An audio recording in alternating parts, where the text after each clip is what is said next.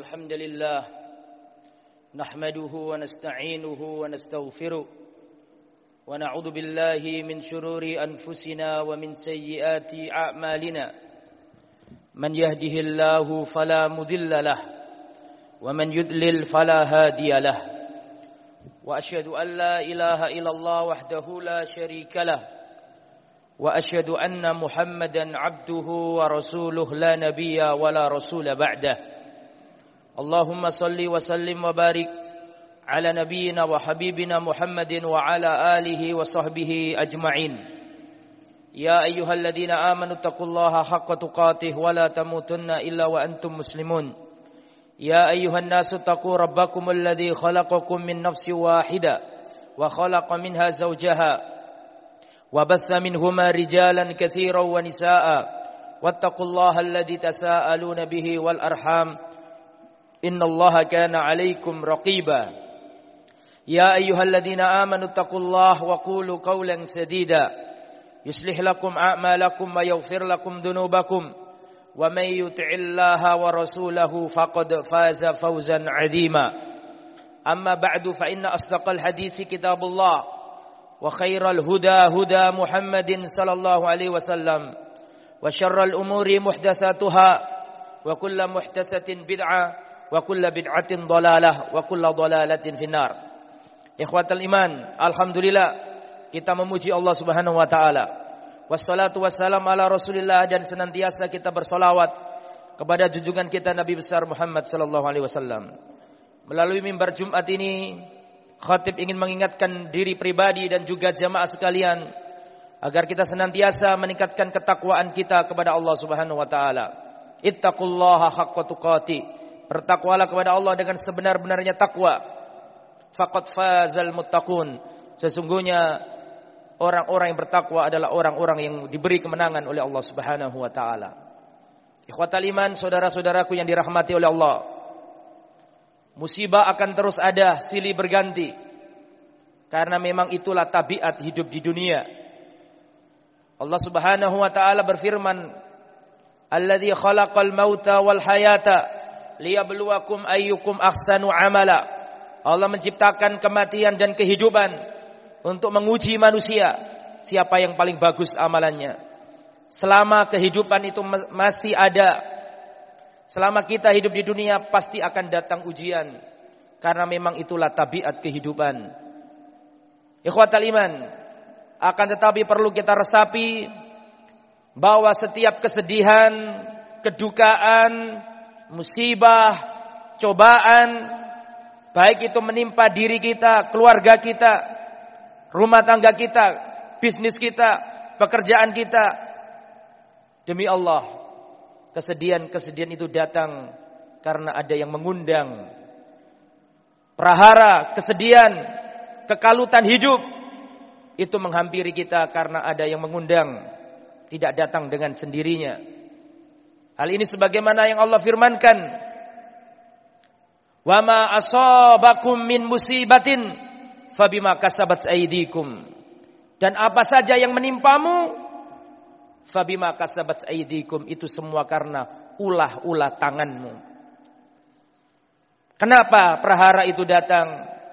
Kenapa kesempitan hidup itu datang? Kenapa duka itu datang? Mengapa ketidaknyamanan hidup itu datang? Itu karena dosa kita. Dan Allah sudah mengatakan itu, "Wa ma asabakum min musibatin fabima kasabat aydikum." Apa saja yang menimpamu itu karena ulah tangan. Ini adalah materi yang sering saya ulangi di tempat ini dan akan terus saya sampaikan untuk mengingatkan diri kita semuanya. Perahara itu belum hilang, virus ini masih ada. Dan ujian-ujian selain itu pun masih ada. Maka kita harus pandai-pandai menyikapi musibah yang terjadi ini. Lihatlah para salaf dahulu. Hasan al-Basri meriwayatkan dahulu ada seorang salaf berjalan tiba-tiba tertusuk duri di kakinya. Maka seorang salaf ini mengambil duri dari kakinya dan berkata, Wallahi inni la'alamu annaki bidanbin. Wallahi demi Allah, wahai duri, aku tahu tidaklah engkau menusuk kakiku kecuali karena dosa yang aku lakukan. Para salaf itu dulu orang yang paling pekah kalau diingatkan Allah. Meskipun hanya tertusuk duri, para salaf paham bahwa itu karena dosa yang ia lakukan. Padahal itu cuma duri. Dulu para salaf mengatakan aku pernah berbuat maksiat. Maka aku jumpai efek dari maksiat itu adalah perangai yang buruk dari istriku dan perangai yang buruk dari kuda tungganganku. Itulah para salaf. Mereka langsung paham ketika ditegur Allah Subhanahu wa taala. Mereka langsung introspeksi diri. Maka ikhwatal iman, bagaimana cara kita menyikapi musibah ini? Musibah tidak datang kecuali karena dosa yang kita lakukan. Maka dari itulah Ali bin Abi Thalib mengatakan, "Mana zala bala'un illa bidzanbin." Tidaklah datang musibah kecuali karena dosa. Wa ma rufi'a bala'un illa bitauba. Dan tidak diangkat musibah kecuali dengan taubat. Maka hendaklah kita terus mengintrospeksi diri kita mendekatkan diri kepada kita. Tidak ada yang menyelamatkan kita dari murka Allah kecuali dengan berlindung kepada Allah. Jika engkau takut dengan ular, jangan dekat-dekati ular. Jika engkau takut dengan kekejaman makhluknya Allah, jangan kau dekat-dekati makhluk itu. Tapi berbeda dengan Allah Subhanahu wa taala. Kalau engkau ingin selamat darinya, dari murkanya, kembalilah kepadanya. Karena kasih sayang Allah mengalahkan kemurkaannya. Seberapapun maksiat yang kita lakukan, kalau kita mau datang kepada Allah, minta maaf kepada Allah, beristighfar kepada Allah, maka Allah tidak pernah menolak permintaan maaf kita. Maka ikhwatal iman, bagaimana cara kita keluar dari musibah ini? Belajarlah dari Nabi Yunus. Nabi Yunus melakukan tiga hal ketika dirinya diberi musibah yang tidak ada mungkin makhluk Allah yang tertimpa seperti beliau. Beliau adalah satu-satunya nabi yang pernah dimakan ikan paus. Nabi Yunus alaihissalam. Ada dua orang yang diceritakan dalam Al-Quran tenggelam. Ada dua orang yang dinyatakan tenggelam dalam Al-Quran. Yang satu adalah musuhnya Allah. Yang satu adalah kekasihnya Allah. Fir'aun tenggelam, Allah tidak menyelamatkannya. Nabi Yunus alaihissalam tenggelam, tidak cukup tenggelam, dicaplok ikan paus. Di saat seperti itulah Nabi Yunus menyadari kesalahannya. Dan Nabi Yunus melakukan tiga hal. Yang mana tiga hal ini harus kita pegang apabila kita ditimpa musibah. Dalam perut ikan paus, di tengah kegelapan samudra yang luas, Nabi Yunus berbisik kepada pemilik langit. La ilaha illa anta subhanaka inni kuntu minadh zalimin. Kata Rasulullah, tidaklah seorang muslim berdoa dengan doanya Nabi Yunus yang saya sebutkan tadi kecuali Allah mengabulkan permohonannya. Dan kalau kita perhatikan doanya Nabi Yunus tadi itu terdiri dari tiga poin penting. Yang pertama adalah la ilaha illa anta. Yang kedua adalah subhanaka. Yang ketiga adalah inni kuntu minadz dolimin. Tiga inilah yang harus kita miliki saat ini agar Allah keluarkan kita dari musibah.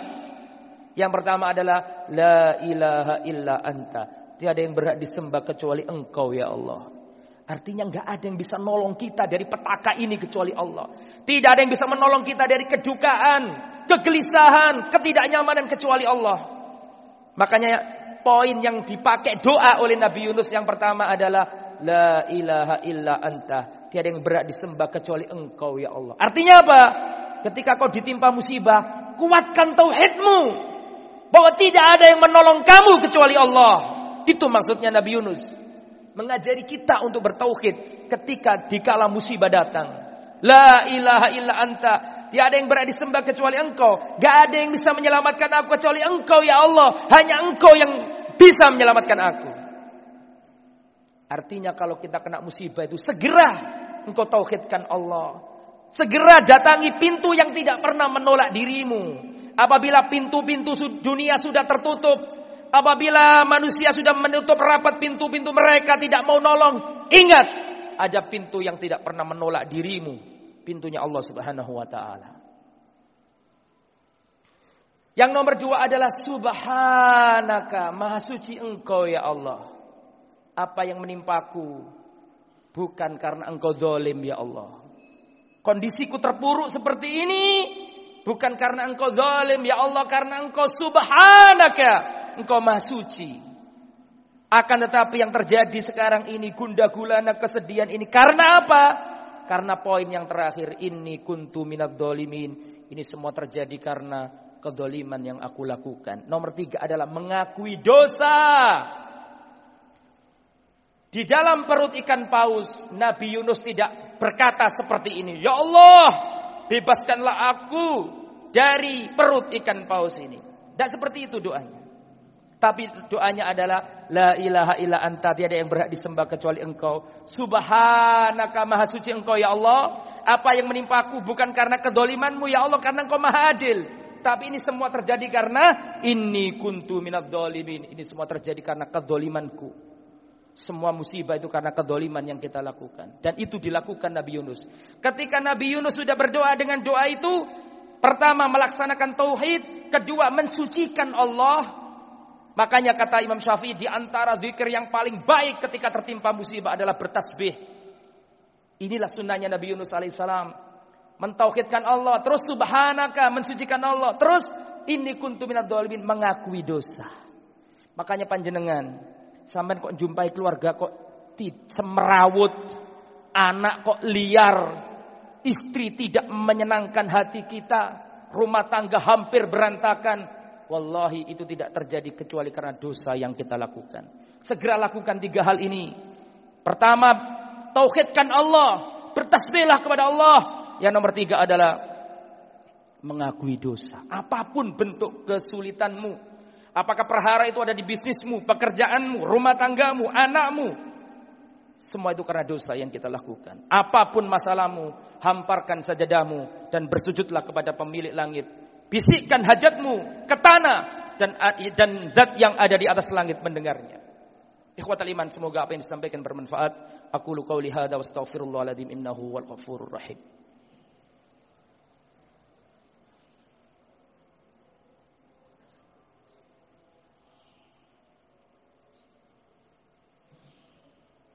Alhamdulillah wassalatu wassalamu ala Rasulillah wa ala alihi wa sahbihi wa mawala wala haula wala quwata illa billah amma ba'd.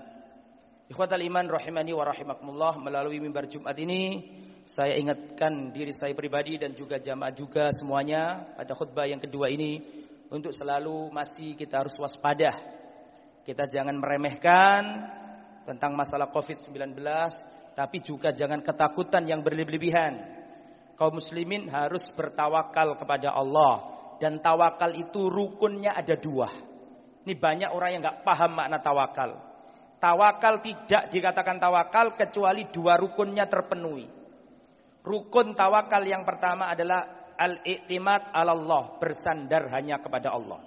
Berdoa, minta tolong sama Allah. Itu namanya bersandar kepada Allah.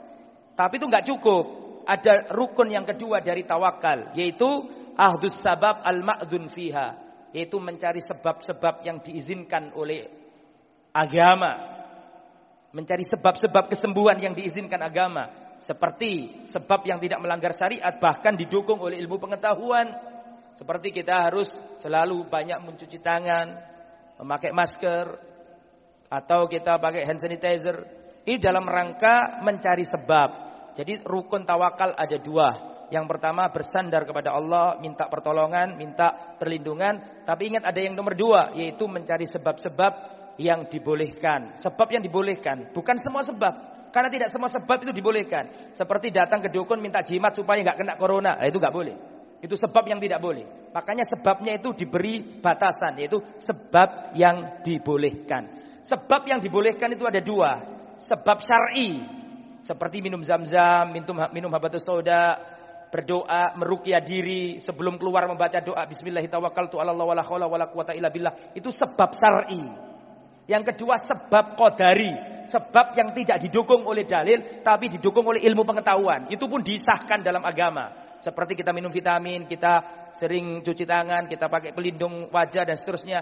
Itu bagian dari sebab yang dibolehkan. Sebab yang dibolehkan dua. Sebab syar'i yang didukung dalil dan sebab kodari yang didukung oleh sebab-sebab ilmiah. Terus kita tetap harus hati-hati bertawakal kepada Allah, berdoa kepada Allah dan juga mencari sebab-sebab yang dibolehkan. Semoga Allah Subhanahu wa taala mengangkat musibah ini sehingga kaum muslimin bisa melaksanakan aktivitas sebagaimana sedia kala. Semoga apa yang disampaikan bermanfaat. Allahumma salli wa sallim wa barik ala nabiyyina wa habibina Muhammad wa ala alihi wa sahbihi ajma'in. Wa akhiru da'wana rabbil alamin. Allahumma ighfir lil muslimina wal muslimat wal mu'minina wal mu'minat al ahya'i minhum wal anwat. Rabbana ighfir lana dhunubana wa israfana fi amrina wa thabbit aqdamana wansurna al qaumil kafirin ربنا ظلمنا أنفسنا وإن لم تغفر لنا وترحمنا لنكونن من الخاسرين. ربنا اغفر لنا ذنوبنا وإسرافنا في أمرنا وثبت أقدامنا وانصرنا على القوم الكافرين. اللهم إنا نسألك علما نافعا ورزقا طيبا وعملا متقبلا. اللهم إننا نعوذ بك من علم لا ينفع ومن قلب لا يخشع ومن نفس لا تشبع ومن دعوة لا يستجاب لها. اللهم أعز الإسلام والمسلمين وأذل الشرك والمشركين. أعداءك أعداء الدين. اللهم انصر إخوان المستضعفين في فلسطين وفي سوريا wa fi Myanmar unsurhum ya rabbal alamin Allahumma rfa'anna al-bala wal waba waz zina warfa'anna corona ya rabbal alamin wa sallallahu ala nabiyyina Muhammad wa ala alihi wa sahbihi ajma'in walhamdulillahi rabbil alamin aqimus salah